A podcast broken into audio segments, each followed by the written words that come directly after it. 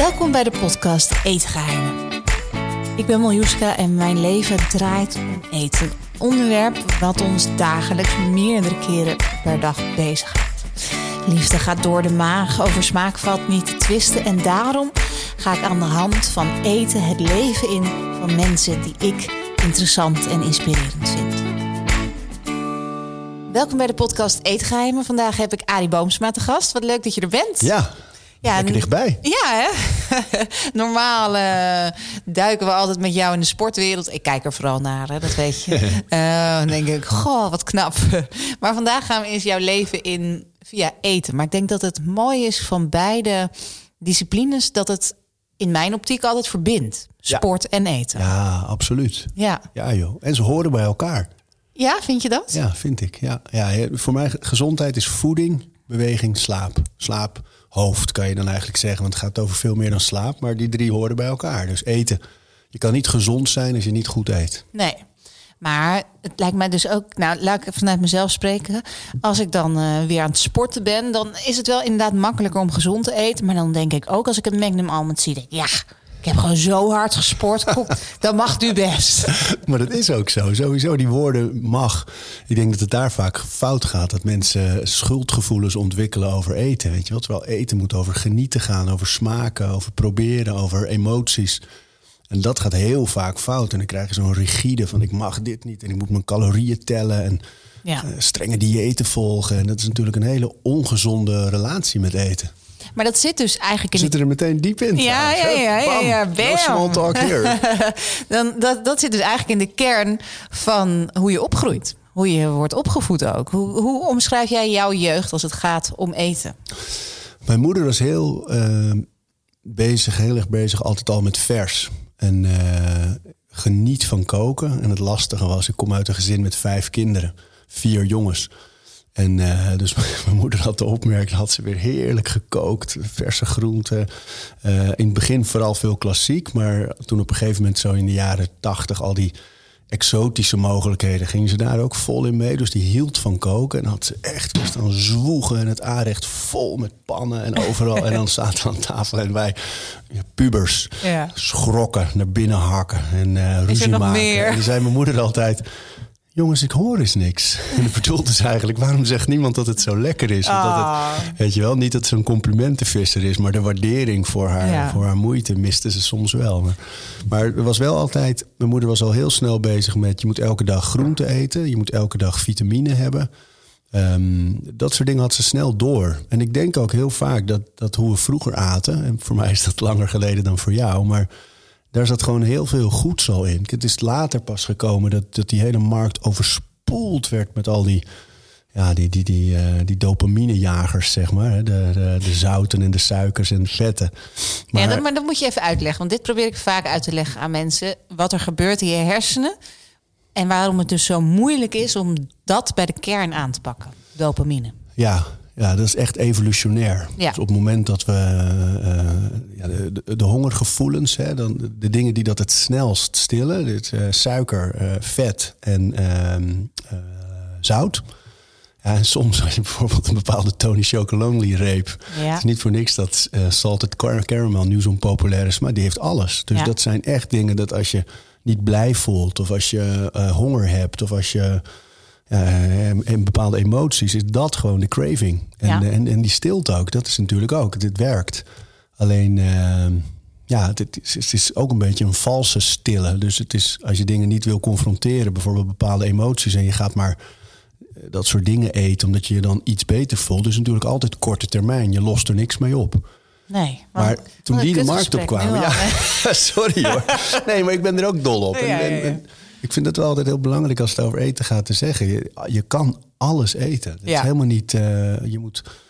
Het gaat erom dat je ook beweegt en dat je bewust bent. En ik vind ook de denkrichting van nadenken. Weet je, hoe jij met eten bezig bent, met, met liefde, met verse producten. En dat mag ja, lekker zoet en veel. En dat kan allemaal best. Ja. Het is helemaal niet. eh, nee, maar, maar ja, Zolang er maar een tegenhanger ja, is. wij aten elke zondag bakte mijn moeder een appeltaart thuis. Ah.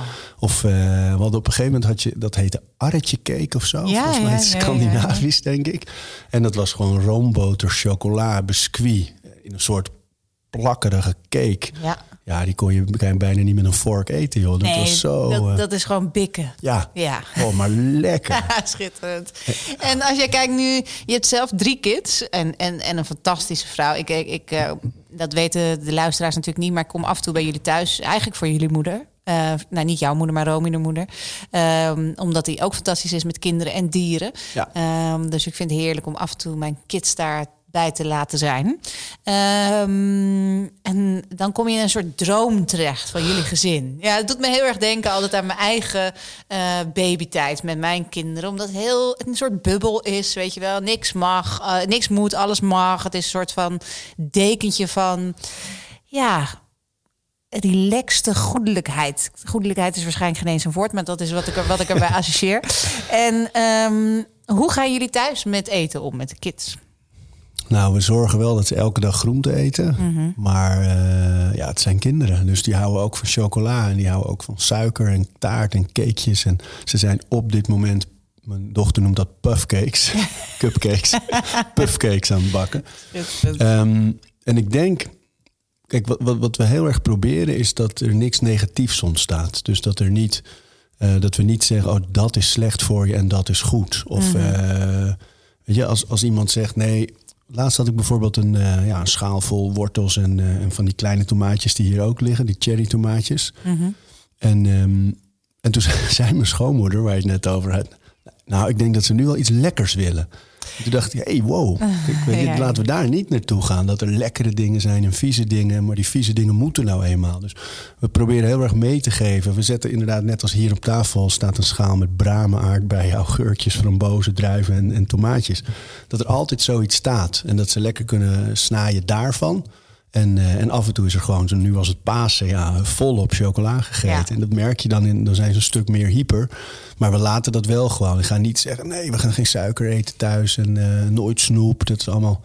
Maar dat, is- dat is wel moeilijk. Want kijk, dat, dat vond ik sowieso. Nou, dat vind ik überhaupt het moeilijkste van opvoeden. eh, loslaten. Op een gegeven moment gaan ze naar school. En dan heb je opeens van 9 tot 3, vind ik eigenlijk verschrikkelijk lang.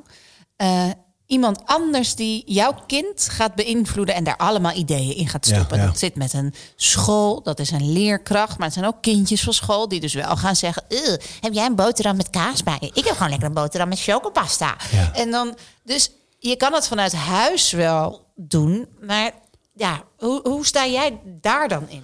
Nou ja, dat is voor mij, denk ik, de breedte van opvoeding is dat nou eenmaal wel zo. Van je, je geeft zelf heel veel mee en je, je laat vooral heel veel onderzoeken.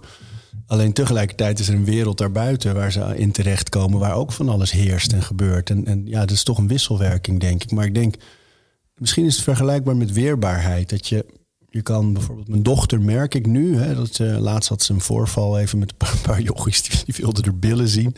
Weet je, dan ben je vijf, zes. Ja. En dat ze zegt nee. En ook vastgehouden. Weet je, dan denk ik, oh ja, mooi, goed zo, sterk. Ja. Sta voor, weet je. Laat zich niet eh, inpalmen wat dat betreft. Maar dat is met, denk ik, met, die, met eten ook. Dus ik, de kinderen, ja, dat is ook met de dopamine. Maar die zullen altijd suiker en zoetigheid lekker vinden. Dat is, dat is ook gewoon logisch en normaal. Maar op het moment dat ze weten dat er meer is en dat het leuk is om te proeven. Dat is één ding dat wij bij het eten altijd doen. Als we iets maken waarvan we denken, hmm, zullen ze wel niet zo lekker vinden. Dan, dan zeggen we niet, probeer het. En als je het niet lekker vindt, hoef je het vandaag niet te eten. Maar eh, probeer het.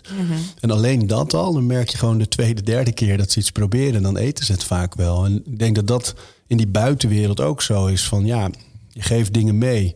En je moet altijd ook het bewustzijn meegeven dat er andere mensen zijn die er weer anders over denken. Dit is hoe wij het doen. Daar denken ze er zo over. Vind je eigen weg. Maar ja, wij- zijn meer met ze dan die anderen. Dus Ja, ja, ja. uiteindelijk gebeurt er toch wel heel veel positiefs daarin.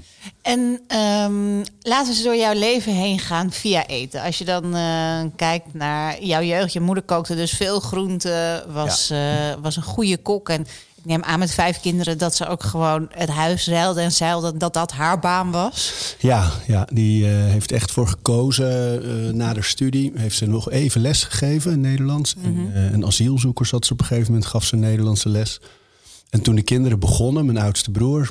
ehm, toen is het gewoon, heeft, ze- heeft ze gewoon echt voor gekozen fulltime daarop te gaan. Want mijn vader is dominee. En dat is een heel gek beroep. Dat is gewoon zeven dagen in de week. Eh, door de week ben je met huisbezoeken, vergaderingen en kerkdingen bezig. En dan in het weekend is het preken en, eh, en zaterdag die preek schrijven. Dus die was eh, daar veel mee bezig. En mijn moeder speelde echt een hele actieve rol bij ons thuis. Mhm. En ehm, ja, dat was echt fulltime. Ja. Ja.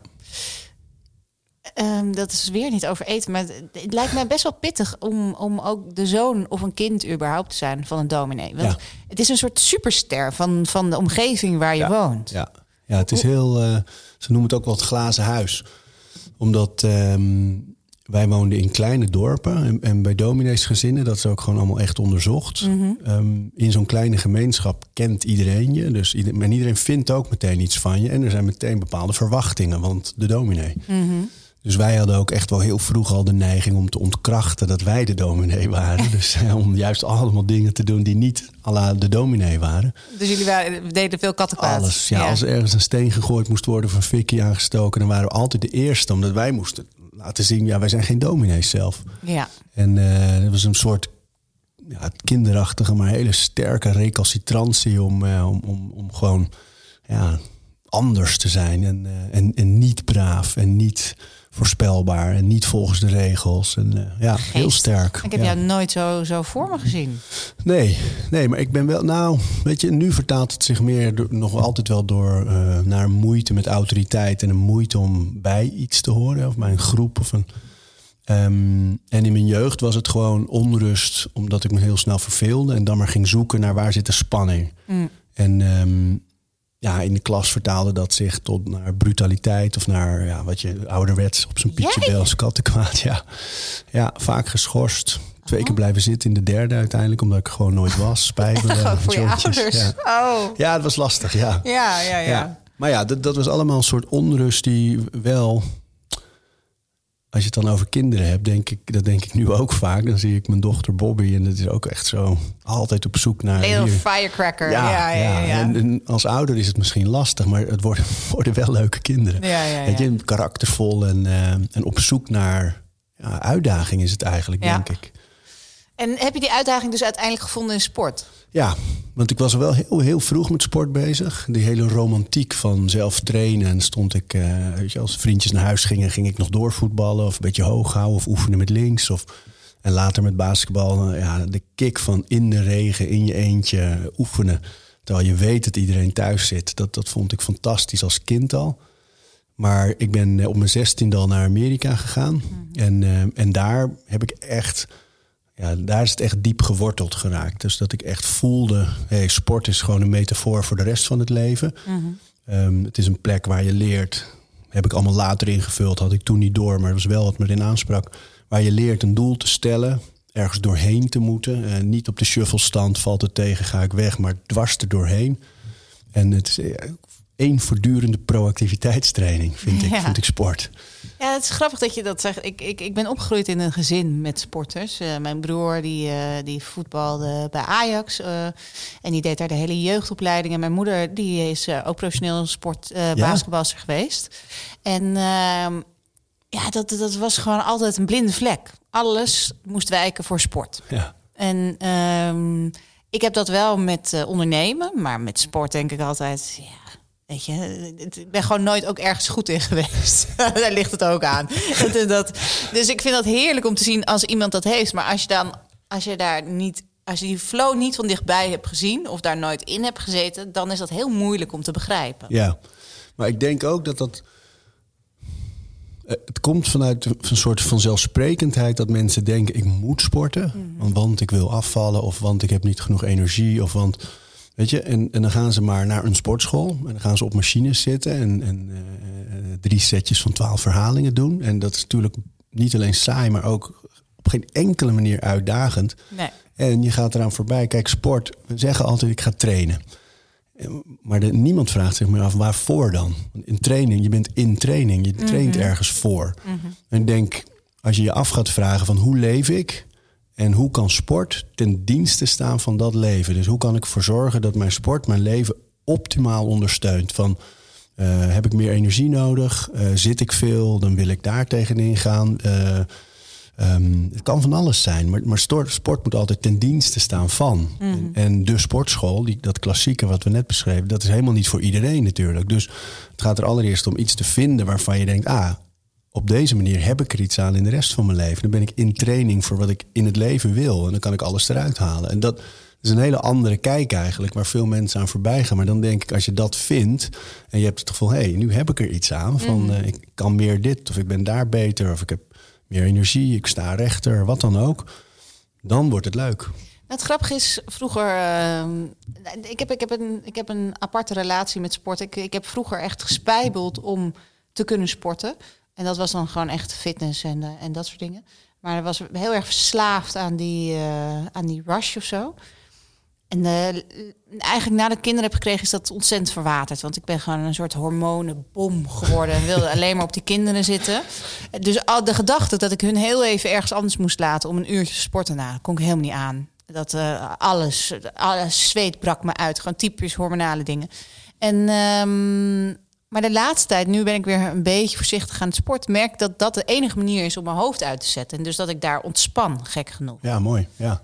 Um, maar ja, dat, ik, ik vraag me af hoe dat voor jou voelt. Maar goed, terug helemaal naar het eten. Wat is het lekkerste wat je moeder maakt, waar je altijd voor terug wil racen als je naar naartoe gaat? Nou, die appeltaart, die is echt befaamd. En die neemt ze nog steeds wel eens mee als iemand jarig is. uh, neemt zij altijd die appeltaart mee. Um, heeft ook wel een evolutie ondergaan. Dus dan was er weer een tijdje dat ze daar nog spijs bij deed. Of uh, dat er een ander soort bloem gebruikt werd. Weet je, hij is echt wel ook in qua vorm van, van zo'n ronde klassieke appeltaart naar zo'n bakschotel appeltaart. Dus er is van alles mee gebeurd.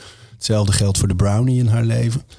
Maar um, ik denk, want ik heb nagedacht, ik, ik, hoorde dat je die vraag vaak stelde aan je gasten. Um, dat eigenlijk de klassieke stampot, dus uh, stampot rauwe andijvie, uh, boerenkool, en wat het? Peen en Jun. Dat is een, een beetje een zeeuwsachtige stampot met, met aardappels, uh, uien en wortel. Heerlijk. Ja. Weet je dat het grappige is dat we allemaal denken dat dat Nederlands is, maar dat uiteindelijk dat is gevonden in een pot bij de Spaanse oorlog. Oh ja. Dat is de hutspot geweest. En toen dachten wij, verdorie, dat is lekker. Die claimen we. Die claimen we. En dat was de eerste stampot die wij als Nederlanders uh, hebben gemaakt. Ja, zo hebben we ons veel eigen gemaakt over ja, de jaren. Ja, ja dat, het, iets om je voor te schamen als je in het buitenland bent om daar te filmen. Dat je soms zegt, ik kom uit Nederland. En dan krijg je zo'n blik en denk je, oh my god, wat hebben we nu weer van jullie gejat. um, um, zat er dan een stukje vlees bij? Ja, ja, ja? ja, ik ben echt uh, wel. Kijk, daar ook. Ik, ik, denk echt dat hoe we vroeger aten, heel veel lessen voor nu. Want dat is ook zoiets. Dat op een gegeven moment was er ineens bij twee maaltijden per dag bij iedereen vlees. Weet je, bij de lunch, ja. worst of wat dan ook. En dan s'avonds weer, soms nog bacon in de ochtend, drie keer. Mm -hmm. um, terwijl wij aten, denk ik, van de zeven dagen, vier dagen vlees, soms is vijf. Maar dan was er altijd ook wel een dagje vis. En altijd een dagje, ja, zondag was zo'n restjesdag. Weet je, ja, dan maakte mijn moeder een soep en uh, dat was altijd wat minder. En um, ja, als kind denk je, shit, wat, wat moet grappig, ik hier nou mee? Ja, maar wat grappig is, want in mijn, in mijn gedachten zou het zo zijn... dat als je uit een gezin komt waar, waar de heer natuurlijk belangrijk is... Dan is, dan is zondag ook de dag waarop je uit gaat pakken nou, ja, die, eten. die appeltaart was op zondag. Oh, dat ja, was na de wel. kerk. Ja, ja, ja, ja. Maar de, de hoofdmaaltijd viel dan... Ja, okay. ja. nee, dat was echt... Uh, dat vond ik was altijd teleurstellend. Dus op een gegeven moment hadden mijn broers en ik dat door. En dan gingen we ook altijd op zondagmiddag eerst nog even naar het centrum van de plek waar we woonden... om een flinke zak friet te halen. Ja. Mayonaise en dan echt met volle buik aanschuiven voor dat soepje. Oh. Ja. ja. Maar... Um, en je vader kookte nooit? Nooit. Heeft nee. nooit iets... Nee, die had echt een probleem. Als mijn moeder van huis was, dan maakte ze dingen... dan meal preppen eigenlijk voor, ja. voor hem. Hè. Dan hoef je alleen nog dit te doen en, uh, of op te warmen. En, uh, nee, die had een hele klassieke... Ik ben ook wel eens bang geweest dat ik daar echt wel heel veel... Uh, omdat ik dat zo gezien heb dat toen ik alleen ging wonen voor het eerst na mijn studiepas, want in, Mhm. in Amerika woonde ik bij een gezin. Oh ja? Zes jaar lang, ja. En um, daar heb ik wel dan bijvoorbeeld dat ik dacht, oh, ik ga zo'n stampotje maken. En dan moest ik keel halen, maar dat was natuurlijk nooit hetzelfde. Alleen um, toen ik alleen ging wonen, werd ik een hele praktische koker. Dus dan dacht ik gewoon, wat heb ik nodig? En dan stoomde ik een beetje broccoli en dan nam ik een, een flinke bak noten erbij. En uh, uh, of een visje erbij. Of weet je, heel praktisch. Zonder Mhm. mm -hmm. sauzen, zonder mix. Zonder eigenlijk vrij saai. Maar, uh, Ja, Spartaans. ja, Ja. ja. En als ik alleen was, dan, dan zou ik misschien nog steeds... terwijl ik heel erg kan genieten van, van echt mooi gemaakt eten. Alleen eh, zelf ben ik daar niet zo bedreven. Wij hebben thuis ook de verdeling. Ik zorg voor ontbijt en lunch Mhm. eh, voor, voor ons allemaal en voor de kinderen vooral ook. En eh Romy of mijn schoonmoeder eh, de avond. eh. En wat Ja. houdt ontbijt en lunch dan in? Ontbijt varieert. Dus ik, eh, soms maak ik wentelteefjes, ehm, eh, scrambled eggs, pannenkoeken.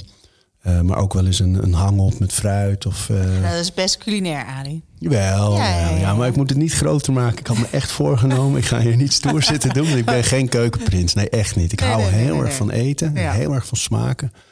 Geniet ook echt van restaurants en mooie gerechten en wijnen erbij. En, maar ik ben zelf gewoon eh, niet bedreven. En waar ik wel achter ben gekomen in deze periode, die lockdown-periode, dat al die mooie creatieve eh boxen, waar jij dat item ook over gedaan hebt Ja. bij, bij Boulevard, van restaurants, dat ik er dan heel erg van geniet van oké, ik heb hier met een blauw stickertje en daar een geel of een nummertje en die doe ik bij elkaar en er komt iets prachtigs uit en mensen genieten ervan. Dat hele proces vind ik wel heel leuk. Ja. Dus ik, ik denk dat er aan mijn keukenprins verloren gegaan is, tot nu toe. Maar eh, ik ben het niet. Nee. Nou ja, de sportscholen zijn nog dicht. Hè. Misschien moet je het omturnen tot, eh, tot een restaurant. Eh, nou, nee, dat mag ook niet. Tot een kerk zou wel kunnen, die mogen samenkomen. Een weet kerk of een supermarkt, Ja. een sportsupermarkt. Dan mag je ook open. Ja, ja, ja. Dat mensen dan heel hard moeten rennen om een pak melk van de loopband af te trekken. Dat zou een leuk concept zijn. Fantastisch. Ehm, en, en de- de lunch, wat behelst dat dan? De lunch is, is eh, Gewoon boterhammen. Ja, vaak boterhammen. Als ik niet 's ochtends al een eitje gescrambled heb, doe ik dat ook wel eens voor de lunch of een pannenkoek, weet je wel. En, ehm, en ik vind het ook leuk. We wonen naast een kaasboerderij met, met verse yoghurt en hangop en kwark en zo. Dus daar haal ik ook wel vaak dingetjes. Ehm, maar dat is redelijk simpel ook hoor. Ik, daar worden niet eh, salades in elkaar geflanst. Nee. Of als er groente naast gezet wordt, dan snij ik bijvoorbeeld een, een paprika aan stukjes en eh, wat komkommer erbij. Dat meestal. Ja. Ehm, dus die is redelijk praktisch, ja. En Ja. hoe, eh, ik vind het dus schitterend, hè? Dat je hebt in, in een gezin gewoond in Amerika zes jaar lang. Dat moet ook wel een foodshock zijn geweest. Zo, ja, ja, ja. Ja, weet je wat het gekke is? Dat was in de jaren negentig. En toen waren mensen natuurlijk niet zo bezig nog met wat is goed, wat is slecht.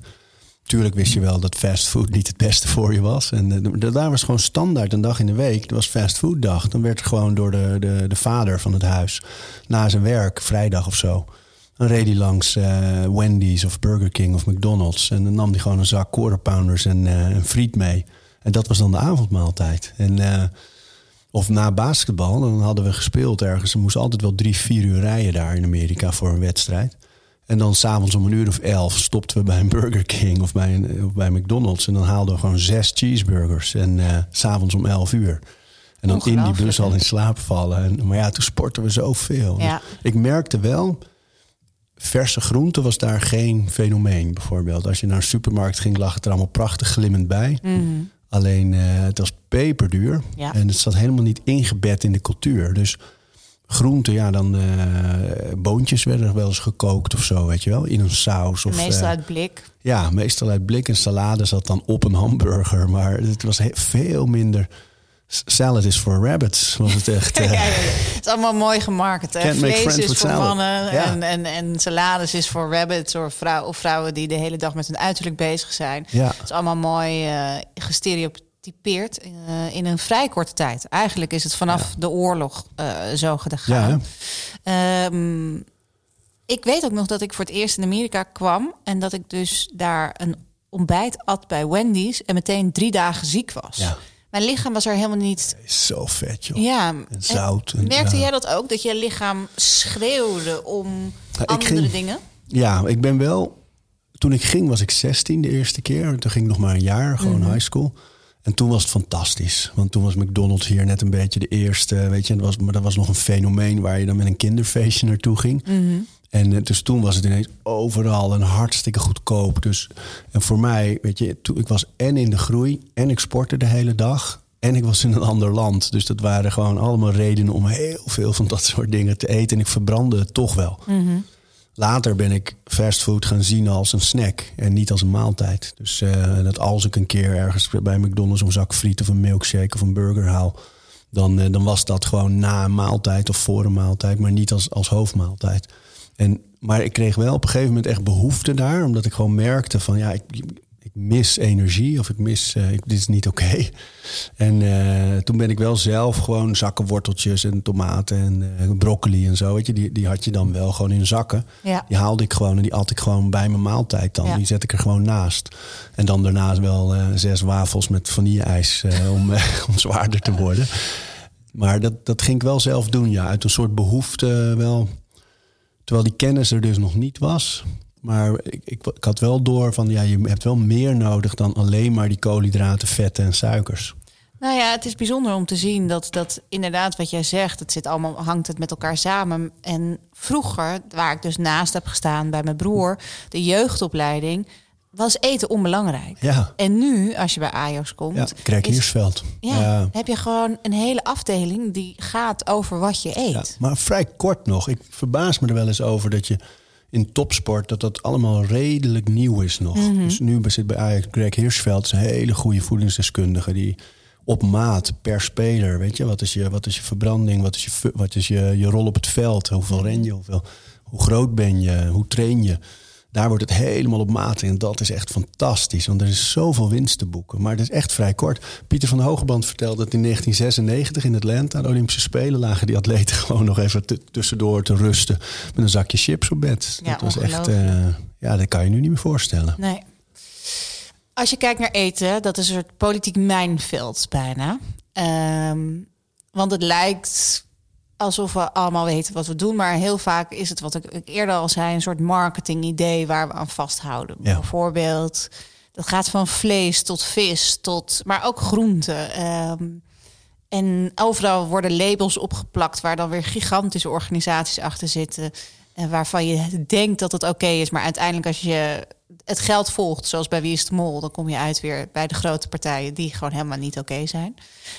Um, jij zit nu ook in een politiek verhaal met jouw sportscholen natuurlijk. Ja, ja. Hoe, als ik naar jou kijk, heb ik altijd een soort van het gevoel dat je een, een heel kalm bent en gewoon heel stevig staat en hele goede berusting hebt over, nou, de mensheid, het leven, noem maar op. Um, ik heb wel eens gekscherend gezegd, uh, voor mij ben jij een soort de Jezus van deze tijd. Ik hoop niet dat je daarmee beledigt, maar je bent altijd zo gebalanceerd. Hoe ervaar jij het nu dan? Want ik merk, heel veel mensen zijn de hoop en de moed al verloren. En jij zit nu in dit politieke spel met hetgene wat jouw levensvreugde geeft. Ja, ja. ja het, is het is een moeilijk jaar. Het is een heel gek jaar, omdat um, het was ook het jaar waarin onze dochter geboren werd, Juniper. En uh, waarin we verhuisden naar buiten. Dus er waren hele mooie dingen. En er waren tegelijkertijd echt dingen die heel lastig. Ja, een bedrijf uh, met 6000 leden, dat uh, eigenlijk het grootste deel van het jaar dicht is. En de maanden dat we open waren, met amper 30 mensen tegelijk binnen mochten. Dus zakelijk is dat natuurlijk wel echt funest. En um, ik heb heel snel aan het begin besloten van wat is de situatie. ik heb echt dagen dat ik aan het sikke neuren ben en dat ik uh, met mijn handen in het haar zit. In het begin was ik heel erg bang dat het hele fenomeen volle bak van onze samenleving, hè, was een volle gym, een volle zaal, een vol theater, een volle, volle kuip, een volle arena, dat dat voorbij was, dat dat nooit meer terug zou komen. Toen dacht ik, oeh, waar gaan we dan? Weet je, hoe, dan moet je echt schakelen. Nu heb ik die, vanmorgen zag ik toevallig een Amerikaans stadion afgeladen vol, geen mondkapjes. Um, dus ik heb goede hoop dat dat wel weer terugkeert. En dan is het ineens de periode dat alles draait om gezondheid. En dat de gym een hele belangrijke plek in de samenleving is. Um, dus, dus die hoop heb ik steeds, daar leun ik op. En, en tegelijkertijd kijk ik eigenlijk steeds naar de dag. En probeer ik de dingen die mooi zijn op de dag echt, echt vol binnen te laten komen. Dus als ik uh, als ik thuis kom en mijn zoontje komt eraan rennen. En uh, of ik voel, uh, als ik door die weilanden hier fiets, de zon op mijn gezicht. Dat ik echt even bij stilsta. Hé, hey, wat fijn, wat mooi. van de week met een paar mooie dagen ineens hebben we twee avonden buiten gegeten. Dat ik dacht, dan eindig ik ook de dag met opnoemen waar ik die dag dankbaar voor ben. Van. En die hele kleine dingen, als ik, als ik daar echt tijd voor neem om te beseffen van hé, hey, mooi, dit is fijn, dit is goed. Dat houdt me heel erg stabiel. Uh, en dan de momenten dat ik denk, oei, um, in de sportbranche, kijk, wij hebben het als gym, wij ook wij zijn leden kwijt. Mm-hmm. Maar in de fitnessbranche is het bijna 50% nu ledenverlies. Uh, dat is bij ons gelukkig lang niet, maar toch. er gebeurt wel echt iets. En ehm, ik zit in zo'n strategiegroep en spreek ook met het ministerie daarover via die strategiegroep. Er zit ook nog niet iets aan te komen nu. Dus ehm, het, het, gaat nog wel even door. En uh, dat, dat maakt het wel heel lastig. Dus ik heb ervoor gekozen om gewoon een soort noodzaak in mijn ondernemen te brengen. Van ehm, mensen moeten in beweging blijven. En Mhm. als dat niet op de fysieke locatie kan, dan moet het digitaal. Dus zowel met de gym, met het bedrijf als zelf probeer ik gewoon zoveel mogelijk aan te reiken. Zoveel mogelijk kennis, creativiteit en zo op die socials te gooien om mensen in beweging te houden. Ehm, ik denk na met het bedrijf over verdienmodellen buiten de fysieke locatie. Dus dingen die je online kunt doen. Daar waren we al mee bezig. We zijn in stroomversnelling gekomen.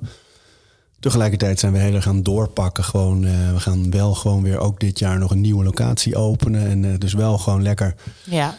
blijven ondernemen, blijven creatief zijn. Maar het moeilijkste heb ik steeds gevonden, het bijschakelen. Ja. Dus er, gebeurt weer iets, er is nul perspectief. Er wordt niet gesproken over welke risico's zijn acceptabel. Onder welke voorwaarden kunnen de maatregelen versoepeld worden. Dat is allemaal niet. Er wordt alleen gezegd, nou, we gaan nog even door. Of eh, het moet nog even. Of, Ja, eh, ja, ja. en, en dat schakelen, elke keer dat er weer iets wordt aangekondigd of veranderd, moeten wij weer beleid veranderen, moeten we weer de mensen instrueren bij ons in ons team.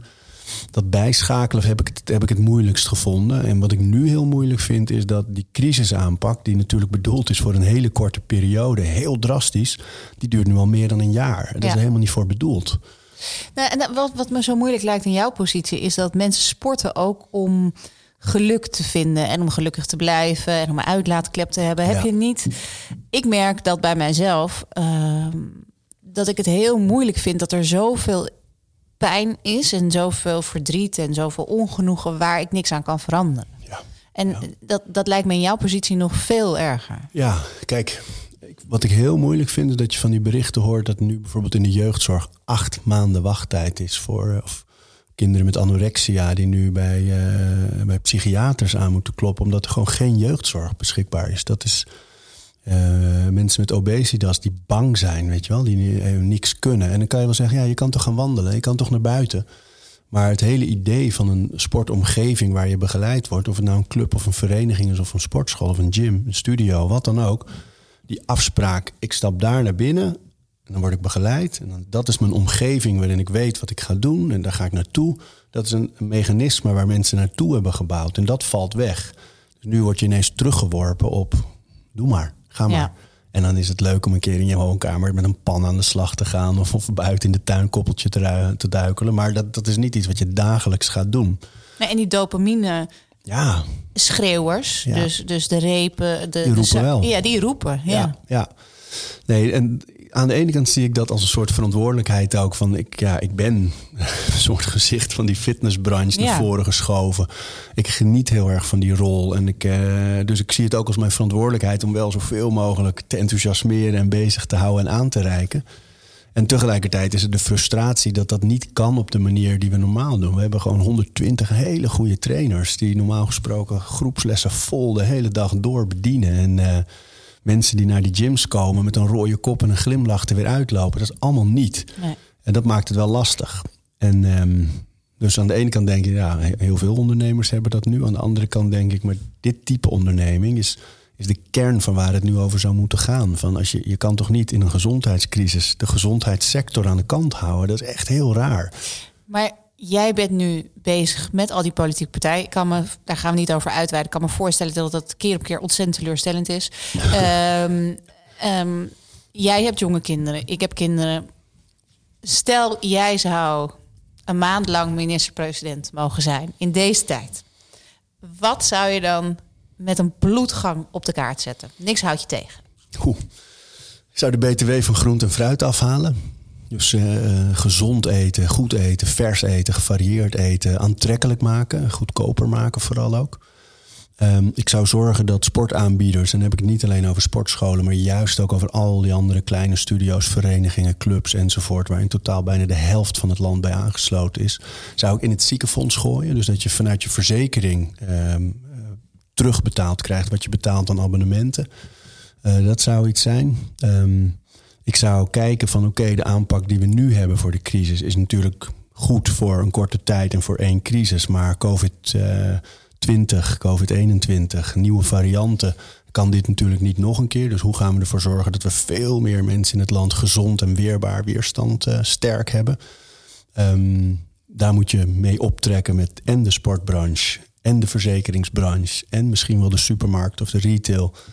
Um, op die manier zou ik er naar gaan kijken. En ik zou ook veel meer minder bang worden. Ze zijn in Den Haag allemaal heel bang om als betuttelaar bekend te staan. je moet je niet mhm. bemoeien met de levens van mensen. Dat moeten ze zelf doen. Dus je kan wel van mensen vragen dat ze een mondkap dragen en anderhalve meter houden en binnen blijven enzovoort. Maar je kan niet van mensen vragen: kom in beweging, zorg. Dat, daar zijn ze bang voor. Dus ik, dat, dat, dat zou ik willen doorbreken. Maar denk je eh, niet dat de kern daarbij in onderwijs ligt? Ja, educatie, absoluut. Dat is het, goed dat je het zegt, want die vergeet ik eigenlijk. Terwijl ik hem vaak eh, op tafel smijt. Dat je op school, het lijkt me fantastisch als een deel van het schoolplein een tuin is. Waar, waar, mm. groente groeit en waar je tomaten kan telen en, en bloemkolen. En, uh, en dat je op die manier al leert, ah oké, melk komt niet uit een fabriek, melk komt uit een koe. En dat je daar naartoe gaat en het ziet en het proeft en het ruikt. En uh, dat lijkt me fantastisch. Ja, koken man, leren. Ja, zodat je niet uitkomt bij... Broccoli stomen en uh, nootjes happen. Jeetje. Ja. Wanneer ging dat veranderen? nou, ik moet je eerlijk zeggen dat uh, als ik alleen zou wonen... zou ik het waarschijnlijk nog zo doen. Dus... Um, en het is ook zo, als wij uh, stel dat we een keer een avond pizza's maken of zo, dan, uh, ja, dan zet ik er nog steeds een schaaltje met gesneden broccoli en, en, en paprika of zo naast. weet je wel? Dus dat praktische blijft er denk ik wel altijd wel een beetje. Maar het grappige is wel dat je zegt: ik hou van smaak, ik hou van uit eten gaan. Ja. Waar, nou, dat kan al heel lang niet meer. Maar wat is de laatste smaakherinnering die jij hebt? Ergens anders waarvan je dacht: nou, dit is gewoon magic. Oh, nou, vaak. Ik heb ook een tijd een eetclub gehad met een paar vrienden. Dan gingen we elke maand kozen we een restaurant uit en uh, Heerlijk. Oh, jullie gingen niet zelf koken? Jullie gingen wel naar een restaurant, toe? Oké, okay. allemaal restauranten. Nee. nou, sommige van die uh, jongens zouden het heel goed kunnen. Ik niet.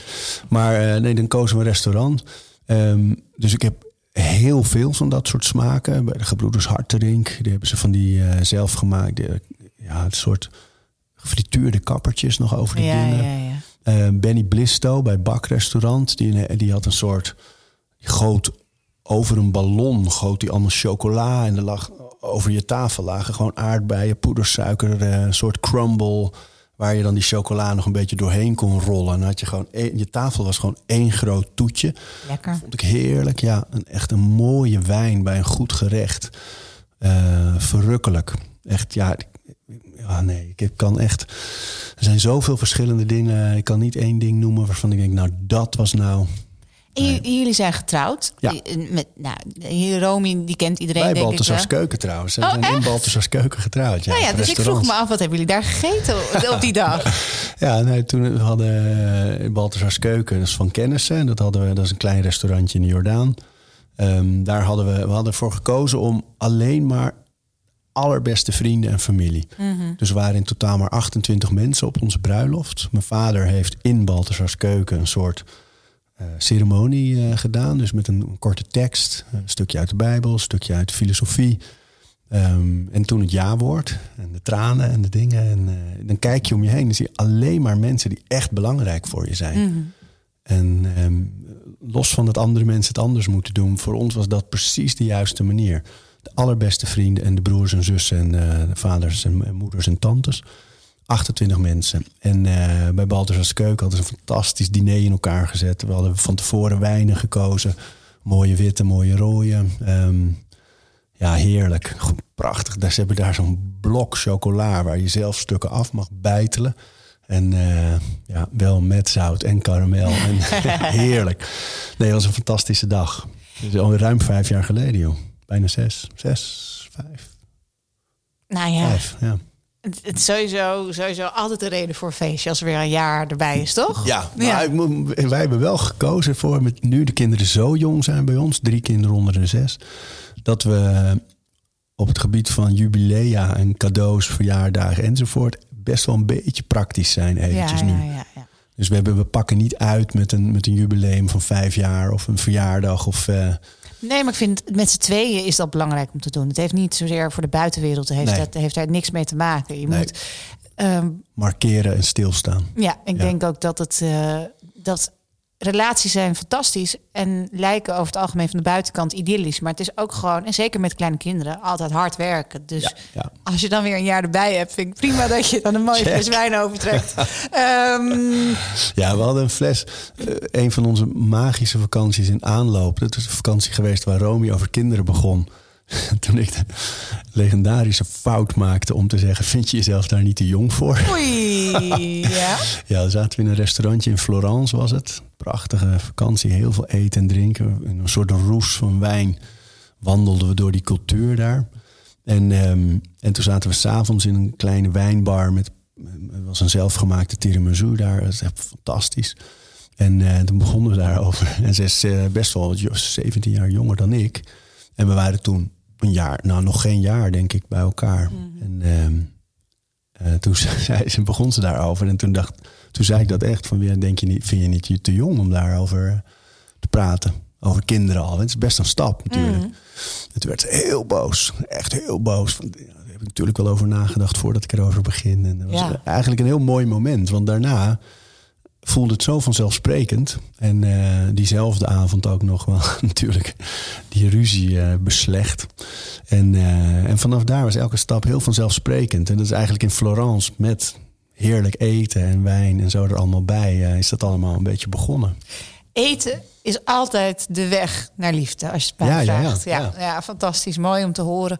En jij zegt... ehm, eten, sport, slaap, dat is belangrijk. Ja. Maar je zegt aan de andere kant ook... het moet niet zo zijn dat je calorieën gaat Nee. tellen. Nee. Maar dat is in mijn hoofd gaat. Ik krijg nu een soort kortsluiting. Omdat voor mij is iedereen die met sport te maken heeft, altijd zeggen ze: Oké, maar wat eet je dan? En eh, heb je dit poedertje al genomen? En eh, voor mij is, is, zijn, is dat een soort huwelijk wat bij elkaar hoort. Waarom kijk jij daar anders tegenaan? Nou ja, vooropgesteld, het werkt. Dus eh, iemand die zegt ik wil droger worden of, eh, of eh, een bepaald bikini-lichaam, calorieën werk, werkt. Weet je wel? Dan zorg je ervoor dat je minder calorieën binnenkrijgt dan je verbrandt en dan val je af. Dat, dat is een som. Dus het, het werkt, maar ik, het risico eraan vind ik dat zo naar eten kijken, dat maakt eten heel praktisch en heel wiskundig bijna. Haalt de liefde en de emotie eruit. Eh, en het neigt natuurlijk naar dwangmatigheid. Dus de, de volgende stap is echt van mag ik dit nog eten? Kan, kan dit er nog bij? Hoeveel calorieën zijn dat? Ik kijk op een pakje voordat ik het koop. Dat, zijn, dat is helemaal niet, dat is geen goede relatie met eten. Dus Ehm, ik denk, kijk, ik geloof niet in diëten. Ik geloof niet in methodes. Ik geloof niet in al die, die dingen. Dat, dat is altijd korte termijn. En het kan in, op korte termijn heel veel voor iemand doen. Maar ja, het, het yo-yo-effect bestaat niet voor niks, natuurlijk. Ik geloof veel meer in eh, een gezonde relatie met eten opbouwen. waar- waarbij je bijvoorbeeld zegt van nou, ik, ik eet drie maaltijden op een dag. Ik doe even geen tussendoortjes. Ik eet alles, maar ik eet kleine porties. En ik zorg ervoor dat ik daarnaast beweeg en goed slaap. En dan, dan, dan vind je een evenwicht in dat je als je genoeg beweegt, dan, dan verbrand je wat je binnenkrijgt. Blijf je op gelijkmatig gewicht en kan je nog steeds lekker alles eten. Maar jij bent altijd fit geweest, toch? Ik kan me niet herinneren dat ik jou ooit heb gezien dat je niet fit was. Nee, nee. Nee, Dus- ik ben wel altijd. Ja, Ja, ja, dus- het zit gewoon heel diep geworteld. Ja, Nee, ja. dus, dus, dus ik kan Over begrijpen dat het vanuit jouw perspectief eh, heel, heel logisch is. Eh, ik ben ook afgetraind geweest en super sportief. En nu voor mij is die, die hobbel om overheen te fietsen zo hoog geworden... dat ik, dat ik er gewoon heel vaak denk, ja... En ik, ik zie dat ook vaak voorbij komen in die vragenrondjes die je doet. Dan denk ik soms, heb je niet genoeg van? Want die het steeds dezelfde vragen die er voorbij komen. Echt eh, chapeau voor je, voor je geduld. Ehm, maar kan je je voorstellen als je dus niet fit bent en denkt... Hoe dan? Dat het, een, dat het echt ja, ja, tuurlijk. pittige dobber is. Ja, maar dat geldt voor de meeste mensen. Kijk, Ja. Ehm, alleen wat ik vaak probeer mee te geven is... er zit een soort berusting in het leven van mensen... dat je vanaf je dertigste ongeveer gewoon zwaarder wordt... en dat dat normaal is. En dat hoeft niet. Alleen het gevaar is dat als je denkt... oh, dat hoeft niet, dan moet ik... dat moeten moet eruit. Snap je? Dus ik denk, eh, wat ik voor bij jou heel mooi vind... is dat je ook op een gegeven moment omarmd hebt... dat als je een leven als, eh, als, als chef, als, eh, Ja, als- als, je als- culinair ja. leven leeft... eh, ja, never trust a skinny cook is het, is het natuurlijk ook. En dat je hebt, hebt op een gegeven moment omarmd dat daar misschien bij hoort dat je wat zwaarder wordt. En, Ja. dat je, en ik denk dat je daar heel veel vrouwen en mannen heel veel vertrouwen meegeeft dat het oké is. Ja. Dus het, het, het, hoe je lichaam eruit ziet is een weerspiegeling van hoe je leeft. Hoe je naar sport en gezondheid kijkt, natuurlijk. Mhm.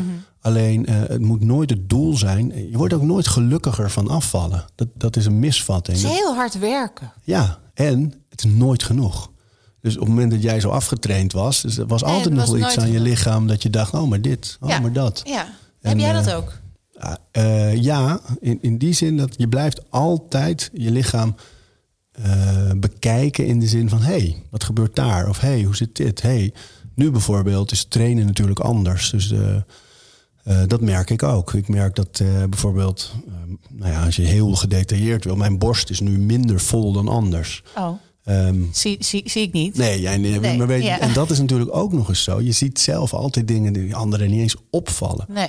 En het maakt ook niet uit. Waar het om gaat is dat er geen waardeoordeel aan hangt. Ja. Dus ik kan zien, hey, ik train anders. Wat ik ook gemerkt heb, dat ik heel veel met één gewicht doe. Ehm, waardoor je ja, disbalans, dus er is een evenwicht, het is een technisch verhaal. Maar daardoor is mijn core nu veel sterker geworden. Omdat ik veel in evenwicht moet blijven. Dus zitten voordelen aan, er zitten nadelen aan. Maar je kijkt zelf en je ziet dingen en daar kan je conclusies aan trekken. Maar dat moet nooit een waardeoordeel zijn van dit is goed en dat is slecht. Dit is minder, dat is meer. Het moet veel meer gaan om, ik ben blij met wie ik ben. Ik ben blij met mijn lichaam. Hey, dit, dit ben ik nu eenmaal. En laat afvallen of getraind zijn of sterk zijn of gespierd zijn. Gewoon altijd een gevolg zijn van wat je doet en niet het doel. Dus op het moment dat jij iets zou doen nu waar je heel veel plezier in had qua beweging. Stel je wordt een wandelaar Ja, ja, hier in die prachtige omgeving. En je gaat elke dag twee uur wandelen bijvoorbeeld. Nou ja, die- het vliegt eraf. Nee, ik, heb, ik vind wandelen heel leuk. En eh, vooral als het langs eetadresjes is. Maar jij hebt ook een, een boek net geschreven hè, over wandelroutes. In, hoe kwam je daar dan bij om dat te doen? Is dat echt ontstaan tijdens de COVID-tijd? Of was je daar al mee bezig voordat... Nee, het is echt ontstaan tijdens de COVID. Eh, ik, ik zag dat fietsen, dus wielrennen, wandelen, ehm, eh, vooral die twee eigenlijk, hardlopen, dat dat explosief toenam. Dat heel veel mensen dachten, hé. Hey. Ehm, en ik zag dat hele fenomeen van 10.000 stappen. Hè, dat mensen zeggen, oh, ik moet dan die 10.000, dat is iets wat dwangmatig ook wel vaak. Maar, Ja. Die twee dingen zag ik. En toen heb ik samen met de ANWB eh, bedacht... laten we een boek maken met wandelingen. Allereerst hier in de Randstad. Den Haag, Utrecht, Rotterdam, Amsterdam en daaromheen. Dus ook hier in Apkoude. En gewoon mooie stadswandelingen. En ook wel platteland, maar wel Randstad. Van ongeveer 10.000 stappen. Dus zijn 30 wandelingen, 10.000 stappen. En ja, daar haal ik dan een routeschrijver bij die echt, echt zegt van nou, je moet bij dat paaltje links en bij dat paaltje rechts. En dit is de geschiedenis van Mondriaan langs het Gein. En daarom heet het hier Schinkel en weet je, enzovoort. Dat, ja. dat is echt kennis en ambacht.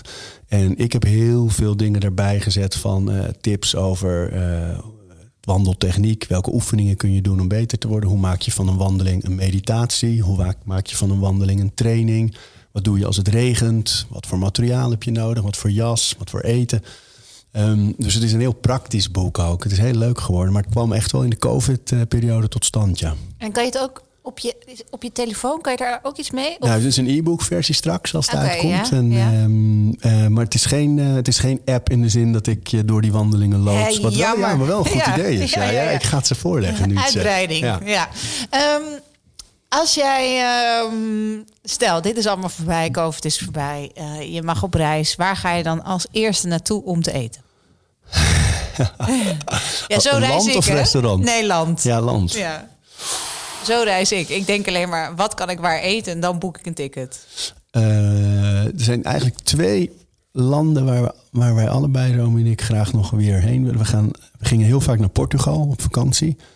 Ehm, je hebt daar zo'n eh San Barrocal, heet het volgens mij, een soort landgoedhotel. eh met heerlijke eigen wijnen en, en een restaurant waar je kinderen gewoon lekker op het gras kunnen spelen. En dan zit je daar aan tafel. Dat was echt fantastisch. Daar zou ik, eh, daar zou ik graag heen willen. En, ehm, en ook vanwege die pas, pastei de nata. heet Ja, het zo? Oh, de Belém of de nata. Oh. Het is echt... Oh. En, ehm, en Scandinavië. Eh, niet zozeer vanwege het eten, toch? Maar wel eh, op de een of andere manier vind ik Scandinavië, Noorwegen, Zweden heel erg bij deze tijd horen. Van eh, natuur, schoon, bossen, ruimte. Fossielvrij. Ja, ja. Het is echt... eh, ja, het is gewoon zoals de wereld er over een tijdje uit moet zien. En nou, eigenlijk vrij snel. Ja, en we hebben haast. We hebben een beetje haast. ja, Ja, ja, dus dat zijn eigenlijk eh, Scandinavië en, en Portugal, denk ik het eerst. En we zouden ooit nog wel weer eens terug met de kinderen ook eh, naar Amerika willen. Dus Mhm. echt zo rondreizen. Het, het is cliché, maar ook ontzettend leuk. Ja. Ehm, ja, waar ik gewoond heb en dan ook andere staten. Ehm, en Italië toch ook. Ja. Ja. Nou, we hebben altijd een soort eh, supersnelle keuze. Eh, je moet kiezen, je mag niet allebei. Zoet of zout? Zout. En wat dan het liefst als snack? Pistache, noten. Oeh. Vlees of vis? Vis. Ja? Ja, ja, ik, ik moet zeggen, wij eten nu... We hebben jarenlang geen vlees gegeten. En nu we hier buiten wonen, eten we lokaal. Dus ehm, eh, eieren van de eigen kippen. eh yoghurt, kwark van de, de boer naast ons. En één keer in de maand haal ik bij Lindenhof eh, in de buurt... haal ik zo'n mooi bavetje. En die, Ja, ja, ja. ja, die bak ik dan met een beetje zeezout erover. En het is wel. Twijfel nog steeds over vlees. Ik denk dat de mooie denkrichting is om eh, als mensen minder vlees eten, dat dat goed is. Helemaal eh, zo zwart-wit denk ik eigenlijk nooit. Maar ik overweeg wel zelf een documentaire te maken waarin ik die vraag van wat is nou echt het effect eh, voor mijzelf, hè, op, voor sport, voor gezondheid van vlees op mijn leven. En is er nog verschil tussen echt kwaliteitsvlees van loslopende dieren of die bio-industrie? Is, is daar nog verschil in gezondheid voor je? Mhm. Die vraag die houdt me heel erg bezig. Dus, maar ik vind vis vind ik heerlijk. En, Maar eh, heb je Seaspiracy nu al? oh man, ja, dan kan je nooit meer vis eten. Nee, Net dus- als dat je met My Octopus Teacher nooit, nooit meer calamaris durft. Nee, nee, het is echt heftig. Ja, En in dat opzicht ga je inderdaad. Het is, het is wat ik zeg. Eten is een politiek mijnveld. Want de hele wereld moet gevoed worden. Grappig genoeg zijn, is bijna de hele wereld overwegend vegan geweest. Tot anderhalve eeuw geleden. Ehm, nu zitten we opeens in een bubbel van industrie... waar we dus worden bijna geforce-feed met heel veel dierlijke producten. Waar ik ook van hou. Hè. Dus ik ben echt... eh, ik, heb ik heb de antwoorden ook niet. Maar des te meer je erover te weten komt, des te droeviger het wordt. En daarnaast is het dan ook nog zo dat wij kunnen het ons veroorloven om lokaal iets te sourcen. Ja. Maar ik, ik heb ook vroeger in bittere armoede gezeten. En dan ben je gewoon heel blij dat je een kilo gehakt kan scoren. ja, ja. ja. Voor ja. heel weinig. Ja, maar ik denk ook, het het moet een denkrichting zijn. Weet je, als we minderen. En ehm, de vraag is: kun je minderen als je, eh, ja, als, je, als, je, als je het een beetje vaag houdt? Dus als je denkt, nou ja, de ene keer wel. Het is altijd met alles, met elke beslissing. Je kan beter een soort paraplu-beslissingen nemen die erboven hangen, zodat je niet elke keer hoeft te wikken en wegen. Maar ik denk met vlees, als iedereen een beetje mindert, gaat het al zoveel beter qua milieu, qua dierenwelzijn natuurlijk. Ja. En dat is, ja, als je echt van dieren houdt, kun je, kun je denk ik geen vlees eten. Dat is gewoon, eh, dat is mijn eigen dilemma ook hoor. Want Nou ja, kijk, jullie hebben dieren, Ja. maar op een gegeven moment worden ze ook oud. ja, En dan is het eigenlijk niet, vers- niet verstandig en ook niet lief om ze te lang door te laten lopen Nee. als ze last krijgen van een gewricht. Ja, ga je dan dat vlees weggooien of ga je het opeten? ik ben met deze vraag al zo lang bezig. Ik had in eh, Amerika een jongen uit Michigan op school. En die kwam van een eh, gezin. Daar schoten ze met het hele gezin eh, per jaar een paar herten. Ja, Eén keer per jaar. Gingen ze op jacht en schoten ze twee of drie herten. En daar aten ze het hele jaar van, dat venisonvlees. En van de geweien maakten ze knopen en andere dingen. Of eh, lampenstandaards. Eh, van de huiden maakten ze kussens en jassen. En die gebruikten dat hele dier. En dat vond ik zo mooi. Want die jongen was verder ook... Die, die kocht nooit ergens vlees. Die at geen burgers. Die at alleen maar dat. Ze namen zelf de verantwoordelijkheid voor de dood van dat dier. En deze gedachte die jij nu voorlegt... vind ik precies hetzelfde. Van dan heeft het dier met je geleefd en uiteindelijk eh, is het klaar. En dan eet je het op. Dat, dat, dat, daar zou ik wel vrede mee hebben. Ik Ja. weet niet of ik het dan zelf zou kunnen doden nog aan het einde. Maar en dat vind ik nog wel een belangrijke vraag. Kijk, we houden het graag abstract. ja als het in een pakje zit is het oké. Ja, Ik vind dus ook eigenlijk... struisvogelen. Ja, ik vind eigenlijk dat alles wat je eet een keer zelf moet hebben gedood. ja, dat vind ik een hele... Ja, het is een moeilijke, maar een mooie gedachte. Ja. En ik, ik, ik kijk als... Krijg je thuis denk je verkocht als je zegt, eh, ik weet niet hoe de schapen heten, maar Betty. Nou, Romy eet bijna. Romy eet heel af en toe dan een paar hapjes mee van Ja, het maar vlees. Maar eigenlijk niet. Nee, Die Nee. eet eigenlijk helemaal geen dierlijke producten. Die eet ook die eieren niet van onze eigen kippen. Nee. En, ehm, als ze heeft wel eens met haar moeder discussies over. Voor die wil dan echte spekjes bij, uh, bij de broerenkool of zo. En dan uh, zou, je, zou je het biggetje zelf kunnen, zegt ze dan tegen de moeder. Dat is echt ja, ja, een gemene vraag. Ja. En, uh, dus dat, dat speelt. En, maar ik denk als ik daar een document over kan maken, een documentaire. En voor eens en voor altijd die vraag gewoon goed beantwoorden vanuit deze dilemma's. Ja dan, dan heb ik zelf ook rust, weet je wel. Want het Lijkt blijft... heerlijk, ik wacht erop. Ja, nou, ik ga je ervoor vragen hoor, want je hebt de kennis. Ja, ik doe mee. Ei of tofu? Eieren, eieren van onze eigen kippen, ja, okay. die zijn lekker joh. Kaas of worst? Kaas. Uh, frituur of wok? Zo, we zitten lekker in een categorietje. Ja, ja, ja, ja. Wok. Wok, waarom zeg je dat? We zitten lekker Frituur in heb ik nooit lekker gevonden. Nee? nee? Nee, nou, ik moet zeggen, ik ben wel eens verrast. Ik heb een keer ik weet niet meer of het van Julius Jaspers was of van Hans, uh, hoe heet die? Van, uh, van Wolde. Van Wolde. Die had volgens mij walnoten met mayonaise en iets. Dat was in de frituur geweest. Dat, als je het op, opnoemt, klonk het vies eigenlijk. Maar in het, het was zo lekker. Het was voor het eerst dat ik dacht, dit is gefrituurd en ik vind het heerlijk. Spruitjes dun gesneden en dan gefrituurd. Hartstikke lekker. Gaan we proberen. We hebben geen frituur. Dat doen we bij jou. Ja, is goed, is goed. Ik heb ook geen frituur uit zelfbehoud. Hey, omdat Ik heb bijna een keer een hele frituurmuur gekocht bij zo'n uh, bij zo'n uh, veiling, weet je wel. Frituurmuur. ja, en toen had, was ik, had ik al aardig geboden. En toen kwam ik erachter dat je het zelf moest demonteren en moest ophalen. Ja, dat was natuurlijk nooit gelukt. Dus gelukkig ging er iemand over me heen. Um, stampot of buitenlandse keuken? Stampot. Gezond of vet? Ja, oeh, uh, ja, zei ik iets te snel. Zei ik iets te snel. Ja, ik vind... Als ik kijk naar de restaurants die ik het liefst bezocht had... of bezocht, zeg je nu dan al, in dit gekke jaar... Um, dan is het toch wel heel vaak Italiaans, Frans, Aziatisch. Dus? Maar is, is dit een, eh, de rest van je leven keuze? Ja, het over een pistool op je hoofd dilemma, anders nooit meer terug? Ja, het is erg familiair, pistool op je hoofd, ja. dus stampot. ging ook meteen allemaal alarmbellen af hier. Stampot of buitenlandse keuken? Stampot. Oké, gezond of vet? Gezond. Uh, vegan of vegetarisch?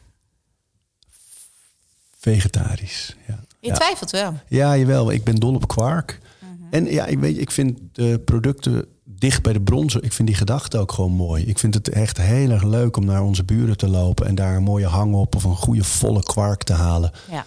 En, uh, en dat dan te eten met, met, met appels die hier vanuit de buurt komen. Of, ja, dat vind ik gewoon een hele mooie gedachte. Dus um, voorlopig vegetarisch. Cake of taart? Oh, taart. En dan ja. de appeltaart waarschijnlijk. Die appeltaart, ja, ja. Maar sowieso vind ik de taart, ik, ik hou van cake. Ze hebben hier achter zit ook nog Anne Haan, heel leuk. Hebben ze altijd van die verse citroencake, vers gebakken, heerlijk. Of een beetje kleffe oma cake, ook verrukkelijk. Maar taart, ja, die categorie is zoveel groter nog. Dat, uh, die, daar gok ik dan nu maar op. Oké. Ja. Ik vind ook bananenbrood is altijd zo, oh. uh, is zo. Nee, maar het is zo, het is zo deceiving. Want je ja. denkt, oh, ik eet brood van bananen. Maar eigenlijk. Cake. Ja, hartstikke cake. Ja. Koud of warm eten? Warm. Pizza of pasta? Pasta. Oh man, ja. En dan het liefst gewoon basic. Dus vers gemaakte pasta alleen maar in knoflook. Uh, dat, dat, alleen dat al is voor mij al genoeg. Ja. ja ik, ik vind sowieso pasta aan zich zonder iets ook heel lekker. Oh, heerlijk, ja, ja. Thuis of uit eten? Nou, nu wel weer eens uit eigenlijk, ja. Met of zonder alcohol? Met. Ja, ja? ik vind een wijn, vind ik eten echt verrijken. En ik vind ook een belangrijke tip in coronatijd en uh, als we allemaal thuis werken, is uh, word een dagdrinker. Dus je kan beter met een lunch een mooie wijn drinken. En dan uh, met één wijn op kun je gewoon nog werken en kun je allerlei andere dingen nog zelfs nog sporten. Um, S'avonds beïnvloedt het altijd je slaap en het maakt onrust. Je slaapt snel in, maar je slaapt onrustig. Dus ik vind uh, overdag, het geeft ook een soort vakantiegevoel altijd. Als je helemaal als je buiten eet. Ik vind het een top idee. Ik ga meteen vanaf ja. vandaag Eén glas, hè? Eén glas. Jammer. um, curry of ketchup?